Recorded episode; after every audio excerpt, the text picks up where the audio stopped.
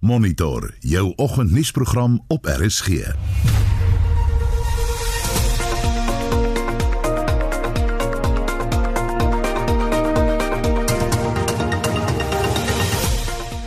die program ons kyk na die jongste tendense in terme van die verspreiding van COVID-19. Sal skole maandag gereed wees om te begin? Dis die vraag op almal se lippe.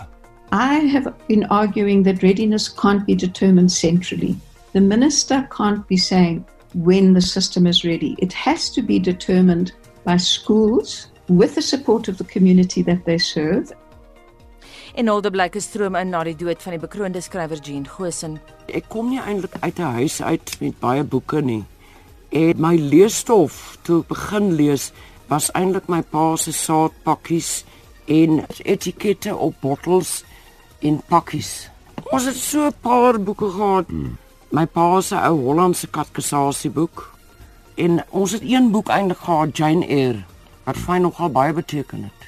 Goeiemôre, ek is Anita Visser. En ek is Gustaf Vreiling. Welkom by Monitor.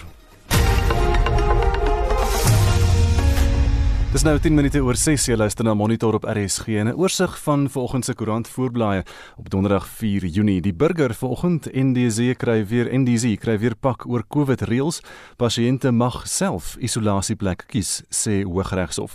Dit beteken die staat kan jou nie meer dwing om in kwarantyne te gaan in 'n staatsfasiliteit as jy dit wel self kan doen nie. Ook 'n berig Fly Saf Air hou middelste sitplek oop teen R750 ekstra.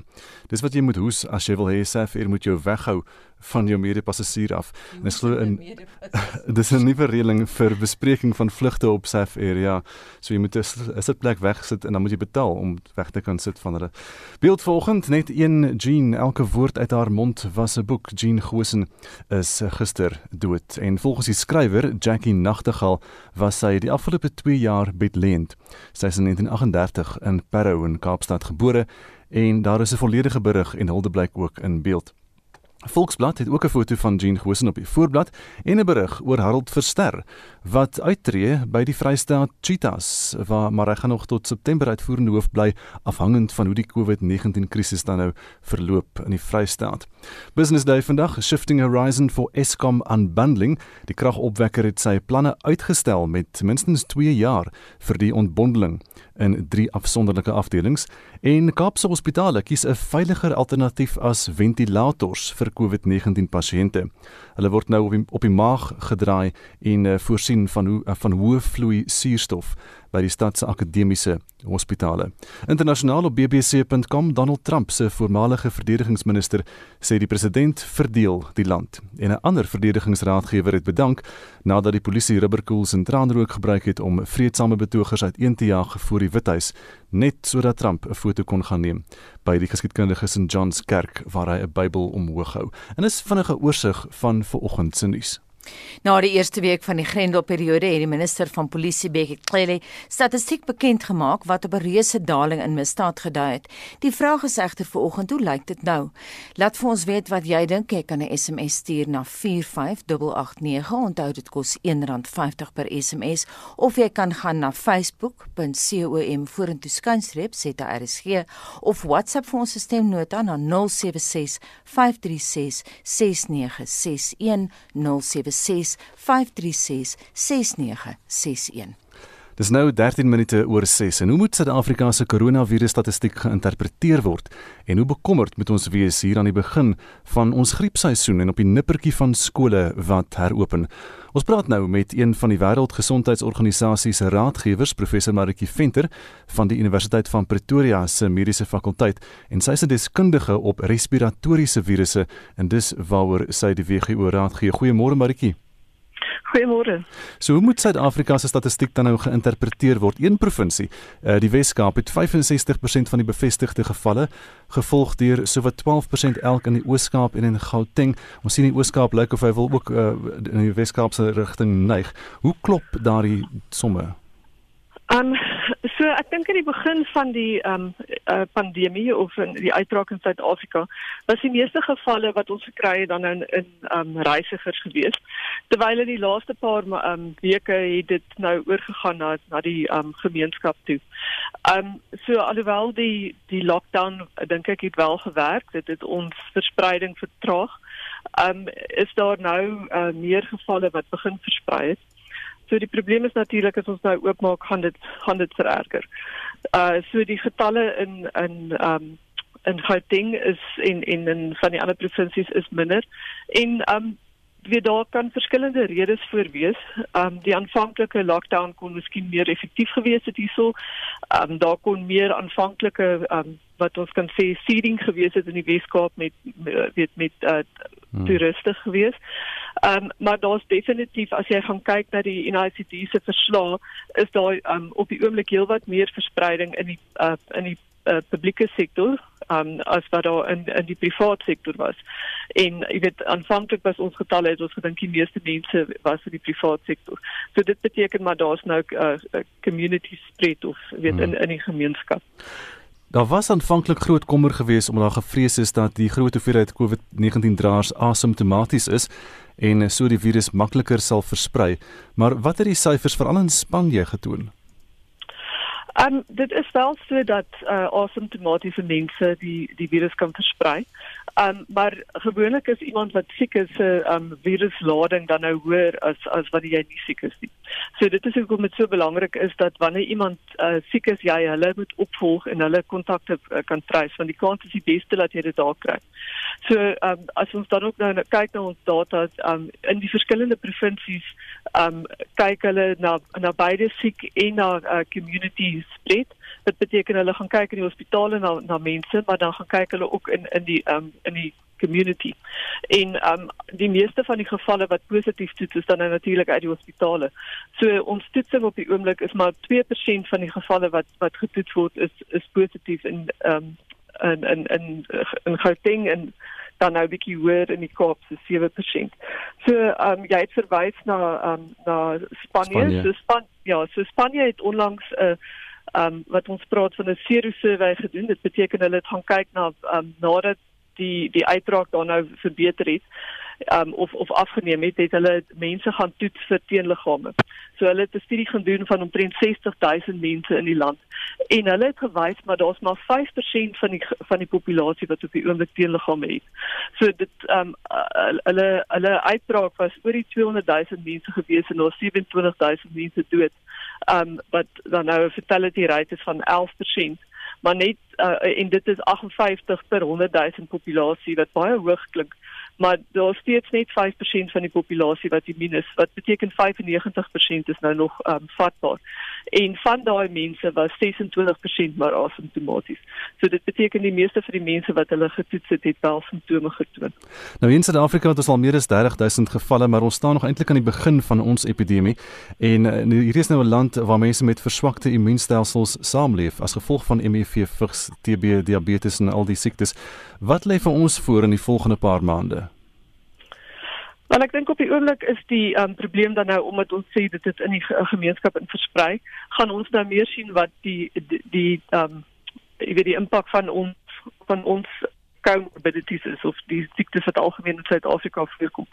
En um aanvanklik het ons nie regtig geweet wie is die mense wat wat doodgaan nie, maar um die departement van gesondheid en um die NICD het het uh het of of die die Weskaap ook het nou begin van hulle getalle uh, beskikbaar gestel. En ons kan sien in die verskillende ouderdomsgroepe dat ehm um, soos jy gesê diabetes, maar ook HIV en hipertensie ehm um, 'n groot comorbidity is vir vir ernstige gevalle.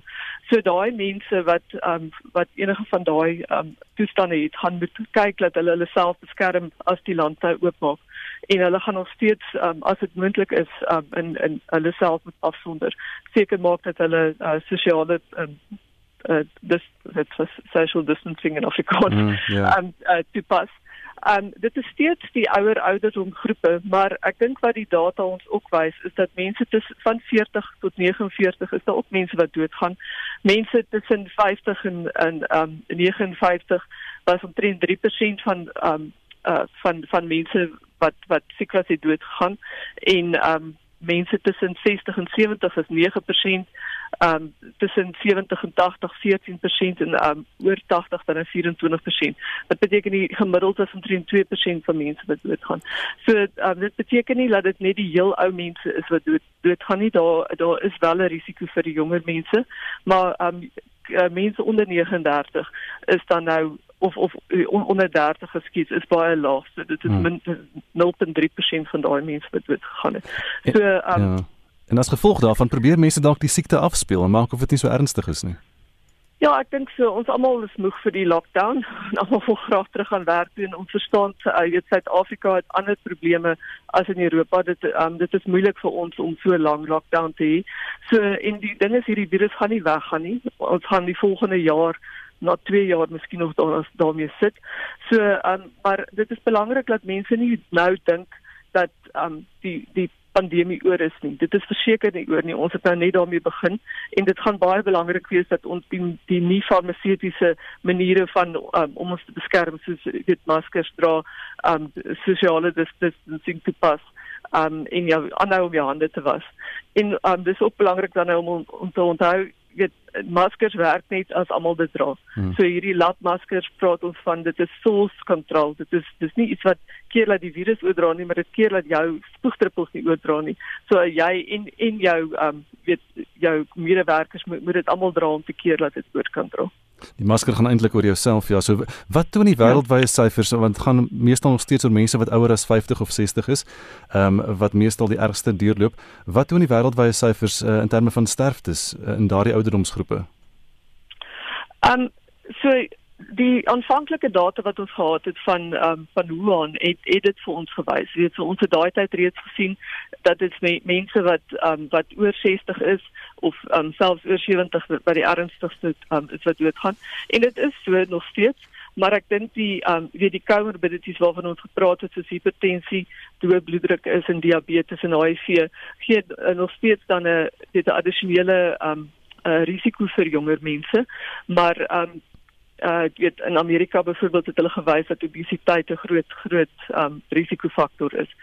Uh maar in ander lande soos in Amerika op die oomblik hulle um case fatality rate wat beteken net die gevalle wat positief getoets het en dan nou die hoeveelheid mense wat dood is uit dit staan omtrent op 5 5.8%. So as jy nou dink Suid-Afrika het tot gesê is 2% en in um die die uh, Verenigde Koninkryk is 14.1%, Italië was 14% geweest. Maar dit is baie moeilik om na daai getalle te gaan kyk want uh, ons weet nie verskillende lande toets op verskillende maniere. En jy kan eintlik eers dan nou uh, weet nadat 'n uh, die uitbraak oor is gaan kyk wat wat die finale case fatality rate is op grond van mense wat nou siek werklik siek was en hoeveel was asymptomaties gewees het. Maar ek net vinnig laastens ouers is nou skrikkerig om hulle kinders terug skool toe te stuur teen volgende week. Is daar regtig rede tot kommer? Wel die meeste kinders is um weet kry net 'n ligte siekte. Um maar die probleem is dan natuurlik dat hulle die potensiaal het om dit oor te dra um en as hulle huis toe gaan na hulle hulle oupa en ouma te gee. Um so daar was nou 'n paar verslae gewees in um, Israel uh, byvoorbeeld waar daar 166 gevalle was in, in um, kinders en van die skole wat oopgemaak het moes hier toe.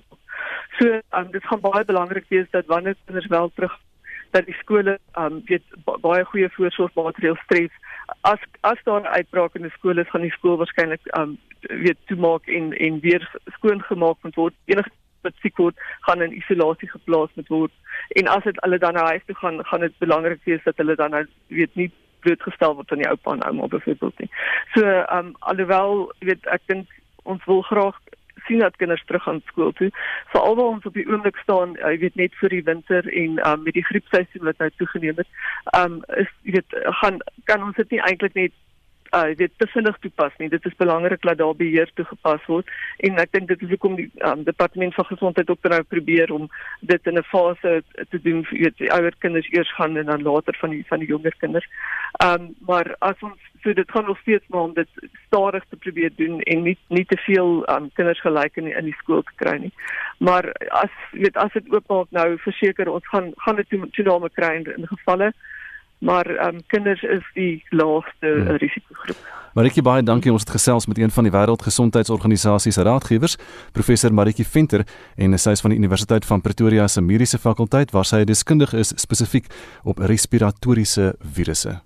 Die finansiële verslag word nou aangebied deur Dawie Klopper van PSC Wealth Pretoria. Oosmôre Dawie. Goeiemôre Anita. Die JSE algehele indeks het gister voortgebou op sy sterk vertoning van die vorige dag en met 'n verdere 2,2% gestyg tot op 'n vlak van 53645 punte. Die rand was ook baie sterk en dit was veral die bankaandele wat besonder goed gedoen het gister. Die bankindeks verbeter met 'n baie stewige 10,4%. Van die aandele in die bankindeks wat baie goed gedoen het, sluit in Absa wat met bykans 13% verbeter, Standard Bank styg 12,4% en Nedbank 11,3%. Remgro wat 'n groot belang in First Rand het, styg met 10,3%. Goud aandele het egter deurgeloop met Goldfields 8,6% laer en Harmony 11,1% swakker. In die FSA gisteraand het beleggings het beleggers voortgegaan is ekskuus tog. In die FSA gisteraand het beleggers voortgegaan om 'n vinnige herstel in die wêreldekonomie in te prys ten spyte van verwagtinge dat die werkloosheidskoers in die FSA by die 20% kan draai.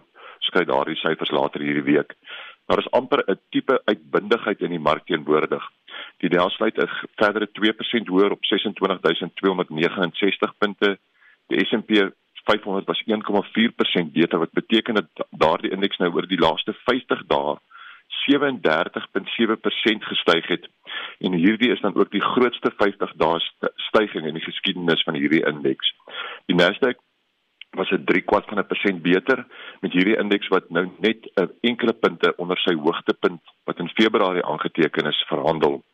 Boeing se prys het met 12,9% gestyg na die miljarder Daniel Loops se Third Point maatskappy 'n belang in in Boeing gekoop het. En dan sien ons dat Answer Bush die biermaatskappy se prys met 9,7% gestyg het. American Express was bykans 7% hoër en JP Morgan bykans 6% sterker. Volgens in die ooste is sake ietwat stiller. Die Nikkei is so 0.4 van 'n persent swakker. Die Hang Seng is 0.2 van 'n persent uh, swakker met Tencent daar so te sê onveranderd. In Australië is die beurs egter nog so 0.5 persent hoër met BHP daar 0.7 van 'n persent swakker. In die kommoditeitsmarkte het Saudi-Arabië en Rusland ingestem om voort te gaan om olieproduksie te sny, maar tog is die Brent olieprys vanoggend ietwat laer op 39.19 per vat. Goudprys verhandel vanoggend nou op 1704 dollar per ons en platinum op 834 dollars 64 per ons. In die valutamarkte is die rand steeds baie sterk en veral nou op R16.98 teen die dollar, op R21.29 teen die Britse pond en op R19.04 teen die euro, met die euro wat sterker teen die dollar verhandel op 1 dollar 12.14 Amerikaanse sent. Anita, hiermee groet ek dan tot môre. Mooi bly. Dit dan die finansiële verslag aangebied deur Dawie Klopper van PSC Wealth Pretoria Oos. Jy luister na Monitor elke weekoggend tussen 6 en 8. Sopas half 7 en in die nuus Eskom gebruik die koronapandemie tot sy voordeel. Die staatskapingskommissie kan sy werksaamhede binnekort hervat. En die Verenigde Nasies spreek vir die tweede keer vir jaar sy kommer oor robotsoldate uit. They're not like humanoids, they're not like the Terminator. In fact, if you think of drones, at the moment drones have a pilot who looks on a big screen and there are two people there who look on a big screen and select the targets. So imagine a drone that doesn't have the humans there at all. It goes out on its own selects its own targets and applies violent force to them. Bly ingeskakel. Vincent, wat sê ons luisteraars? Anita, voordat ek ons ons ehm um, kommentaar van ons luisteraars aflees, wil ek net ehm um, aan ons luisteraars vertel ons platform op ons Facebook bladsy of ons is nie of bar of rassistiese aanmerkings nie. Ehm um, kom ons hou by ons SMS vraag of ons luisteraars vraag. Maar terug na ons SMS vraag toe. Ehm um, ons minister van polisie Bekkie Cele het aangekondig in die eerste week van die grendelperiode dat misdaad afgeneem het en ons wil nou vra hoe lyk dit nou? Nou Louis Bester sê misdaad het afgekom, maar hulle het 230 arrest 230 000, ekskuus, arrestasies gemaak. Iets maak nie vir haar sin nie, sê Louis Bester. Dan sê Ann Killian, ons moet maar wag en kyk Na die voggies vrygelaat is, gaan die duiwel weer los wees. Maar aan die ander kant, weet ons ook nie wou die minister net goed lyk nie, sê Ann. Dan sê Daleen Wright, werklik, daardie statistieke word nie volgehou nie, soos verkrachtings, roof, gesinsgeweld en so voort. Dan sê Randy Young, ehm um, Tulbag se moord op 'n dokter was dit een van Cyril Ramaphosa se 19000 amnestiegevalle wat daarvoor verantwoordelik was, vra Randy. Dan ons een van Paula Delport Pretorius wat sê glo nie die regte statistieke is deurgegee nie. Dis om Kyle en die hele spul korrupte staatsamptenare te laat goed lyk om hul drakoniese inperking te regverdig. Dan sê Sylvia Pretorius, SAPS weier om petty crime petty crimes te registreer. En Bes Ferreira wat lekker elke dag vir ons kommentaar lewer sê ernstige misdaad is seker af maar nou arresteer hulle ons goeie landsburgers vir nonsens. Plaks hulle fokus op huisaanrandings en polisie brutaliteit papier is geduldig sê Bes Ferreira. So vra dat ons luisteraars ook hulle menings van ons deel. Ehm um, hoe lyk die hoe lyk dit nou vra ons julle in terme van misdaad wat minister Bekkie Cele in die eerste week van die Grendelperiode statistieke aangekondig het dat misdaad wel afgeneem het. Nou stuur vir ons jou mening by 45889. 'n SMS kos R1.50 of jy kan jou mening op ons Facebookblad deel by facebook.com vorentoe skynstreep ZARSG. En jy is ook welkom om 'n stemnota te stuur. Ons WhatsApp lyn is 076 536 6961 en hou daai um, WhatsApp stemnota so 30 sekondes lank. Dis nou so 24 minute voor 7 en uh, Shaun Jooste hierdie jongste sportnuus. Ons begin met motorsportnuus. Formule 1 baas het bevestig dat die verkorte 2020 seisoen op 5 Julie in Oostenryk begin met 'n tweede wedren die naweek daarna. Die Hongaarse Grand Prix is nou vir 19 Julie geskeduleer en na 'n breek van 2 weke sal Silverstone in Engeland ook twee agtereenvolgende wedrenne aanbied. Die Europese been van die seisoen word dan in Spanje, Italië en België voltooi. Die FIA beoog om 15 tot 18 Grand Prix te hê met die seisoen wat in Desember tot 'n einde kom. Die wedrenne vir Asië en die Amerikaanse kontinent tussen September en November word later bekend gemaak en die laaste twee Grand Prix in Desember vind in Bahrein en Abu Dhabi plaas. Alle wedrenne sal agter geslote deure plaasvind met renjaars en ander personeel wat gereeld getoets word. Fietsrynies. Die Belgiese span Quickstep het hulle eerste oefenkamp sedert die seisoen in Maart weens die koronaviruspandemie opgeskort was vir middel Junie geskeduleer. Ryers sal vir die virus getoets word soos hulle vir die kamp aanmeld. Die span het bekende soos die Fransman Julien Alaphilippe en die Ier Sam Bennett op hul boeke. Die wêreldtoer seisoen word vroeg in Augustus hervat met die Tour de France wat op 29 Augustus begin. Ons sluit af met cricketnuus. Die Wes-Indiese Cricketraad het aangekondig dat die Kolvers Darren Bravo en Shimron Hetmeyer en die veelsidige speler Kimo Paul 'n plek in die span vir volgende maand se toetsreeks in Engeland van die hand gewys het. Jason Holder is as kaptein van die 14-man span aangewys. Die groep word hierdie week vir die koronavirus getoets en sal volgende week in Engeland aankom waar hulle vir 3 weke in afsondering geplaas word. Die drie toetse vind tussen 8 en 28 Julie in Southampton en Manchester plaas. Die Britse regering moet nog die finale goedkeuring vir die toer gee. Shaun Schuster, SAK Sport. So 22 minute voor 7 jy luister na Monitor op RSG en die Verenigde Nasies se sekretaris-generaal Antonio Guterres het vir die tweede keer verjaar sy kommer uitgespreek oor robotsoldate. Anita het die verslag saamgestel. Thomson Chingeta is 'n lid van die internasionale komitee vir robotwapenbeheer. Hy is ook betrokke by die geregistreerde veldtog The Campaign to Stop Killer Robots. Chingeta het gister vanuit Londen verduidelik hoe teenstand teen die robotte nie beperk is tot die VN-sekretaris-generaal nie. The international community is really worried and I think there's a growing number of states that are currently supporting the call for a prohibition on killer robots. In particular, there are over 30 states now. There are over 5,000 scientists support a prohibition on killer robots. Professor Noel Shaki is mede-stigter van die Campaign to Stop Killer Robots en ook betrokke by die komitee vir robotwapenbeheer. Hy stem saam met Thomson Chengeta se siening dat teenstand teen die wapenrobotte internasionaal toeneem. The campaign we're fighting at the UN has 128 international NGOs, really big ones like Human Rights Watch and Amnesty International and the Nobel Women's Laureates and my organization, the International Committee for Robot Arms Control. We've had thousands and thousands of leading scientists writing letters to the UN about it, uh, calling for a prohibition.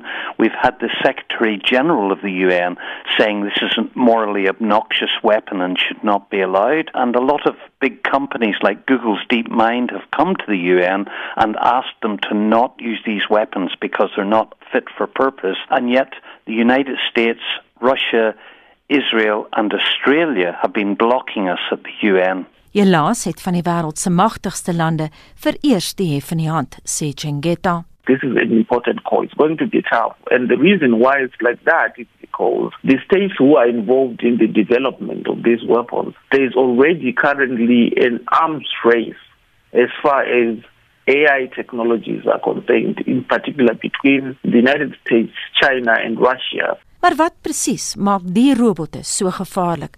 Professor Shaki het die antwoord. They're not like uh, humans, although they could, they're not like humanoids. They're not like the Terminator.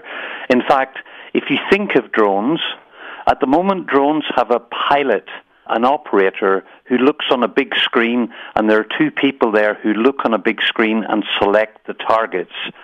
So imagine a drone that doesn't have the humans there at all. It goes out on its own, selects its own targets, and applies violent force to them. That's what an autonomous killer robot is, or an autonomous weapon system. And the developments are in terms of aerial, fighter jets, tanks, submarines.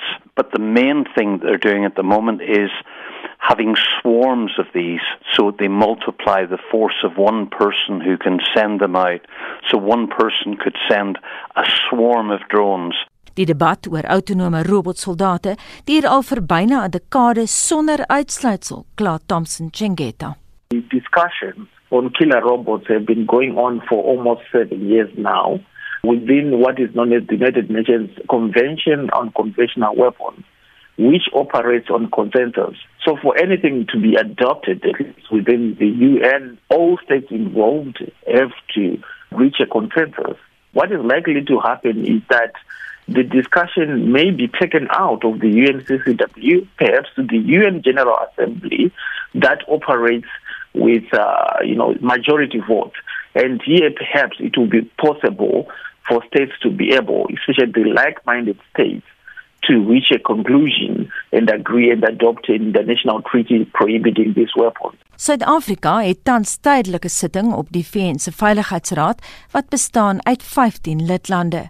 Dis 'n gesogte posisie omdat 50 algemene VN-raadslidlande nog nooit sitting kon kry op die Veiligheidsraad nie. Dit maak Suid-Afrika dan ook belangrik in die stryd om die robotte te keer. The South African government, I think we have to acknowledge they have participated at least meaningfully in the discussion since they started. But South Africa has not joined, for example, the African countries that have explicitly called for a ban on these weapons, and we continue to encourage them to do so. En dit dan 'n uh, woordvoerder van die campaign to stop killer robots, Thompson Tangeta, wat ook betrokke is by die komitee vir robotwapenbeheer en hy het gister vanuit Londen met Anita gepraat. En ons bly by autonome robotte en vir sy reaksie op hierdie storie praat ons nou met professor Abel Esterhuise van die fakulteit Kragskunde aan die Universiteit Stellenbosch. Goeiemôre Abel. Goeiemôre Anita. Jy het nou geluister na die vorige insetsel. Is die robottegnologie al so ontwikkel dat dit in die veld gebruik kan word? Wel, dele daarvan is definitief al so ontwikkel dat dit gebruik kan word, maar ek dink ons moet ook vir mekaar sê dat die tegnologie nog nie die volwassenheidsvlak ontwikkel het dat ons die volle potensiaal daarvan kan sien nie, want soos in alle gevalle is daar ehm um, beide positiewe en negatiewe gebruike van tegnologie en dit is nog vir ons in te vroeë dae wat die tegnologie betref om regtig te verstaan wat die volle omvang daarvan gaan wees en die die totale applikasie daarvan daarvan gaan wees. En ek dink wat mense op die oomblik sien is ietwat van 'n geveg tussen wat ehm um, professor Colin Greiner verwys as die technophobes en die technophiles um, een groep mense wat die die die oplossing vir alles in die wêreld in tegnologie sien en die ander groep wat uh, doodeenverre uh, doodeenvoudig veg met alles wat in hulle is teen die gebruik van tegnologie en die gevaar van tegnologie alle tye uitwys. Die FSA, Rusland, Israel, China en Australië is gekant teen 'n verbod op die wapens. Sou internasionale teenkanting die state kan swaai want Guterres het ook nou uh, sy gewig agter hulle gegooi. Ek twyfel. Ehm um, ek dink nie daar sal genoeg bewys internasionaal ehm um, dat ons tot die stap kan oorgaan om om ehm uh, die tegnologie te verbied of om dele daarvan te verbied nie. Ehm uh, dit is nog nie op groot skaal gebruik dat ons die volle nutswaarde en en daarom dink ek nie ons gaan regtig ehm um, daarin kan slaag om om die gebruik op hierdie vroeë stadium al te, te benut nie. Mense moet ook in gedagte hou dat daar's baie interessante voorbeelde uit die laboratorium van die geskiedenis rondom die ontwikkeling van hierdie tipe van van tegnologie. Kernwapens is een, ehm um, waar ons kernwapens ontwikkel het, uh, dit een keer gebruik het en gesien dat die vernietigingswaarde daarvan is van so 'n aard dat ons uit 'n etiese oogpunt dit nie weer kan kan benut nie en uh, ja tot nou toe die tegnologie is beskikbaar maar is nog nie weer aangewend nie. So ehm um, daar's daar's baie voorbeelde in die, in die geskiedenis wat ons kan gaan haal rondom die gebruik van tegnologie wat tegnologie nie uh, verbied is nie ehm um, maar ons gebruik tegnologie oordeelkundig Kom ons bly by die VN se Antonio Guterres. Hy het hom nou verlede week vir die tweede keer in 1 jaar uitgespreek teen die robotwapens. Hy het groot etiese probleme daarmee. Dra sy stem genoeg gewig om die stryd daarteenoor hulpstoot te gee of nie? Wel, 'n mens gaan definitief sien een of ander vorm van 'n uh, internasionale mobilisasie teen die gebruik van hierdie wapentuig. Ehm um, Maar maar ek ek twyfel of uh, en en dis belangrik dat die debat aan die gang gehou word. Miskien moes dit die dit die belangrike punt wat mense hier moet maak dat ehm um, die die die feit dat hulle heeltyd die aangeleentheid op die agenda hou uh, 'n kritiese faktor is juis omdat uh, dit die dit die debat rondom um, artificial intelligence ehm um, kunsmatige uh, kennis ehm um, uh, lewendig hou en en dat hulle hierdie wisselwerking tussen die technophobes en die technophobes uh vals uh aan die gang hou. Hmm. Nou jy praat so van die debat wat aan die gang gehou word as mens daarna kyk, dit duur nou al 7 jaar lank voort sonder enige uitsluitsel. Voorsien jy 'n besluit in die verband?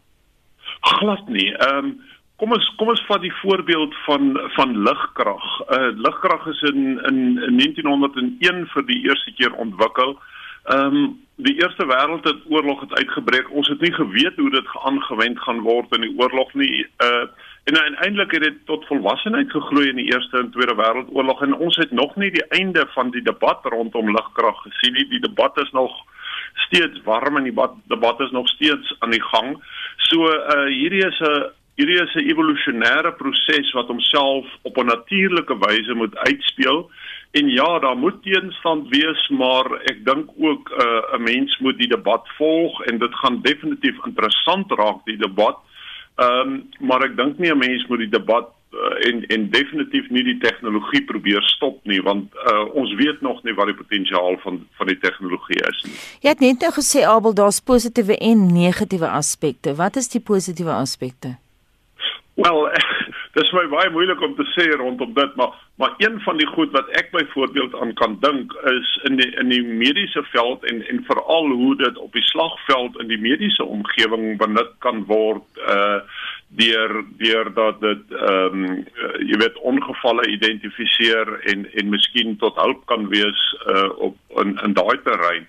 Ehm um, daar's ook uh omgewings waar die die menslike faktor eintlik die die inhiberende faktor is. Mense dink aan die gebruik van vliegtye.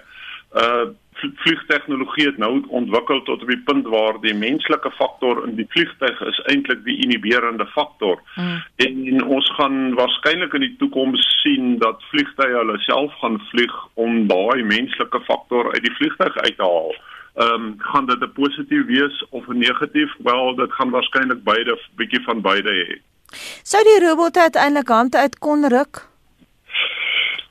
Ek is ek is baie versigtig om my daaroor uit te laat. Ek twyfel. Ehm um, ek dink die die die mens is nog in beheer. Ehm um, en ek twyfel of die mens ooit regtig ehm um, so dom sal wees om sy eie beheer oor te gee aan aan kunsmatig uh, geskepte uh, uh, inligting en besluitneming so ek twyfel.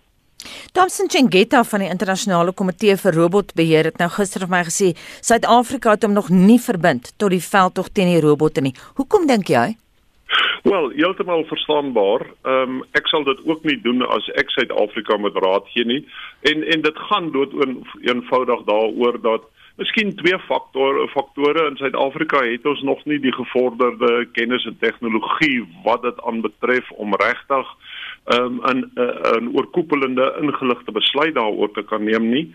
Uh, dis waarskynlik een faktor en uh, 'n ander faktor mag wees uh, dat ons dood eenvoudig um, in vroeë dae is wat uh, kunsmatige kennis aanbetref en dat ons nie voortydig besluite kan neem wat ons later dalk kan kan inhaal nie. So ek sal ook uh, as ek die regering moet adviseer op hierdie stadium sê gaan omsigtig daarmee te werk, uh, neem deel aan die debat, ontwikkel kennis in die in die binnelandse omgewing, maar wees versigtig om jouself nou um, in amper al vir totaliteitsbesluit te neem rondom dit.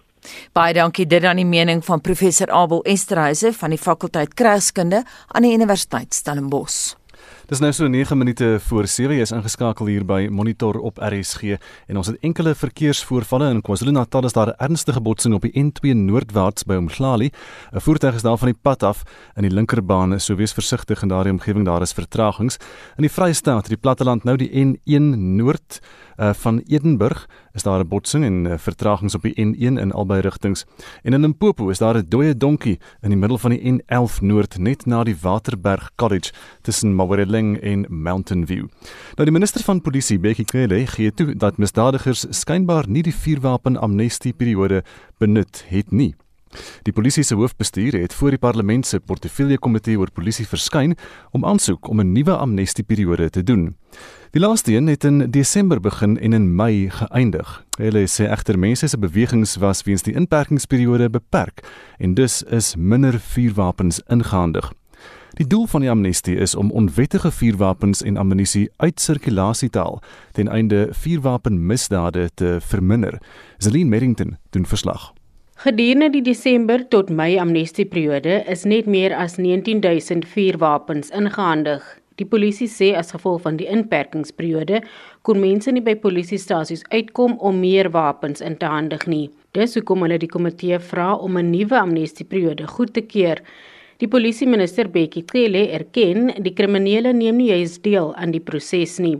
We don't get much joy from those people bringing those firearms that have committed crime are in the hands of criminals. I will commit that in next portfolio committee, let's give the numbers of the firearms that are there because of the police operations. Gedurende die voorlegging aan die komitee het die polisie gesê daar is 'n noemenswaardige afname in vuurwapenverwante misdaad gedurende die amnestieperiode.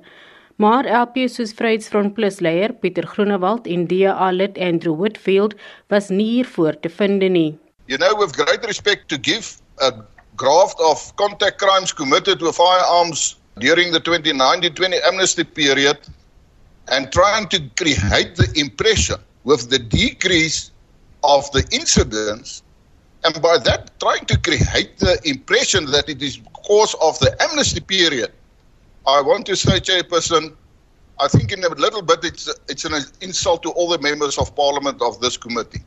The decrease was not because of the amnesty. The decrease in those figures are because of the lockdown. That is as simple as that. I want to echo the sentiments of my colleagues that the statistics that have been provided to create an impression that amnesty is the uh, causal link in the, the decline in gun related crime uh, is disingenuous, it is misleading. And uh, I would ask that SAPS be cautioned to present statistics in such a manner without being able to actually prove that the firearms that have been handed in have been linked to the commission of a crime. Die voorsitter van die polisiekomitee, Tina Jumar Patterson, verduidelik dat die versoek die normale parlementêre proses moet volg. We are not going to be able to approve this new firearm amnesty.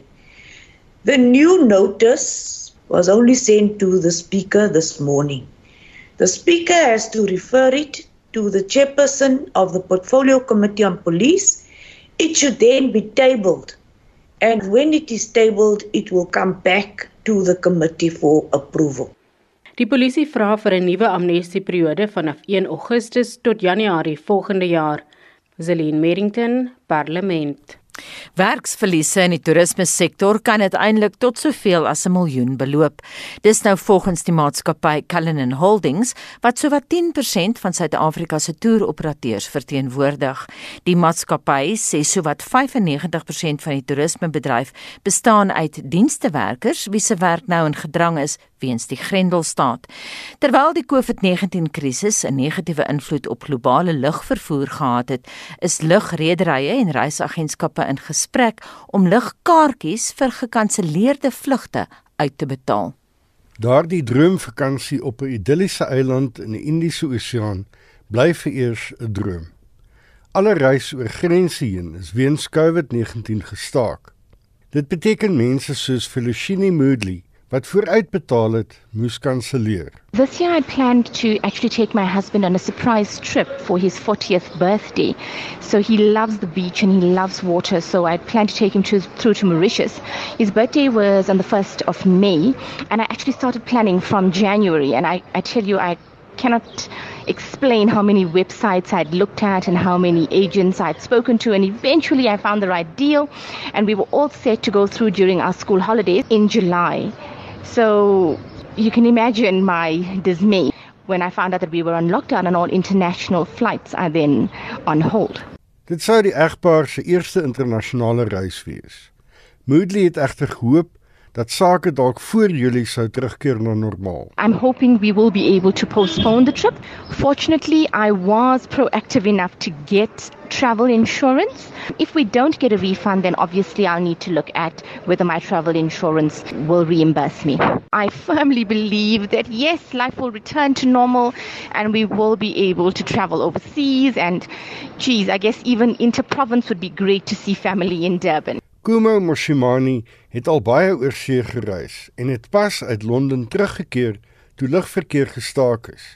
Sy sê sy mis dit om nuwe mense te ontmoet. That's one thing that I miss about traveling, like hearing all these different accents. Also like what I love is the culture like in Thailand, like everything is in order, right? Also i just love traveling because it opens up your your mind. Like like you get to explore with your eyes you get to explore with your soul you get to meet different people. Met die toerisme sektor nou tot 'n stilstand word daar gesê dat min maatskappye in die sektor nie na die einde van Junie sal kan oorleef nie. Barbara Garganediwe is van die Gautengse toerisme owerheid it's actually not clear when will travel resume in the country and internationally with the regional and international borders closed. However, we remain optimistic that towards the end of the fourth quarter, travel will resume with domestic and business travel taking precedence.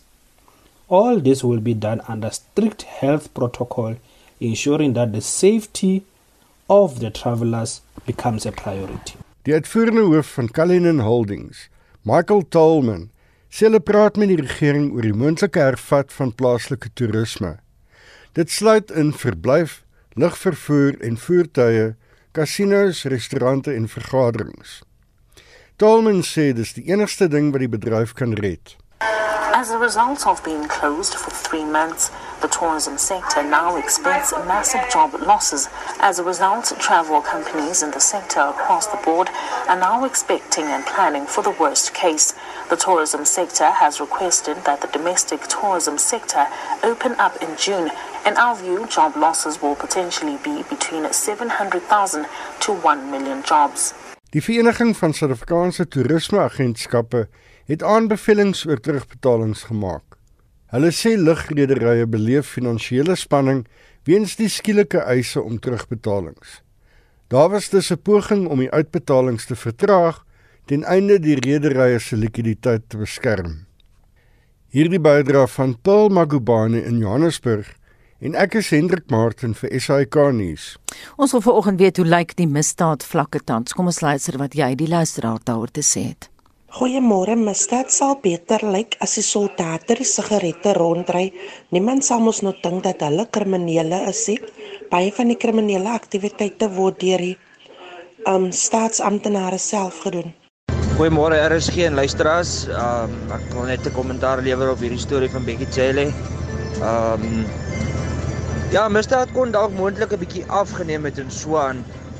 Maar ek sal sê hulle moet net 'n reël instel van dat na 7 of na 8 in die aand mag daar geen persoon in die strate gesien word nie. As daar 'n persoon in die strate is, moet hy 'n geldige permit of 'n rede kan verskaf vir sy doene in late daai tyd van die nag. Dankie baie. Goeiemôre Johan Fourie uit Suide van Johannesburg. Ek glo nie Becky Jelle se uh, statistieke is reg nie. As jy mens kyk na die buurtwagstelsels en die plaaswagstelsels wat alles gestop is, minder sigbaarheid, minder polisieering wat wat plaasvind. Ek glo nie sy statistieke is korrek nie. Ek dink dit gaan meer oor 'n politieke spel wat daar gespeel word. Maar ek dink as ware um, statistieke uitkom sal mens sien dat Peggy Cele en sy manne nie werklik die hulle kan nie eers die, die grensdraad met Zimbabwe patrolleer nie. Hoe gaan hulle die misdaad in Suid-Afrika afkry? Dankie hoor, lekker dag vir julle. En daardie stemnota bring ons na net na 7. SAK nuus. Onafhanklik, onpartydig.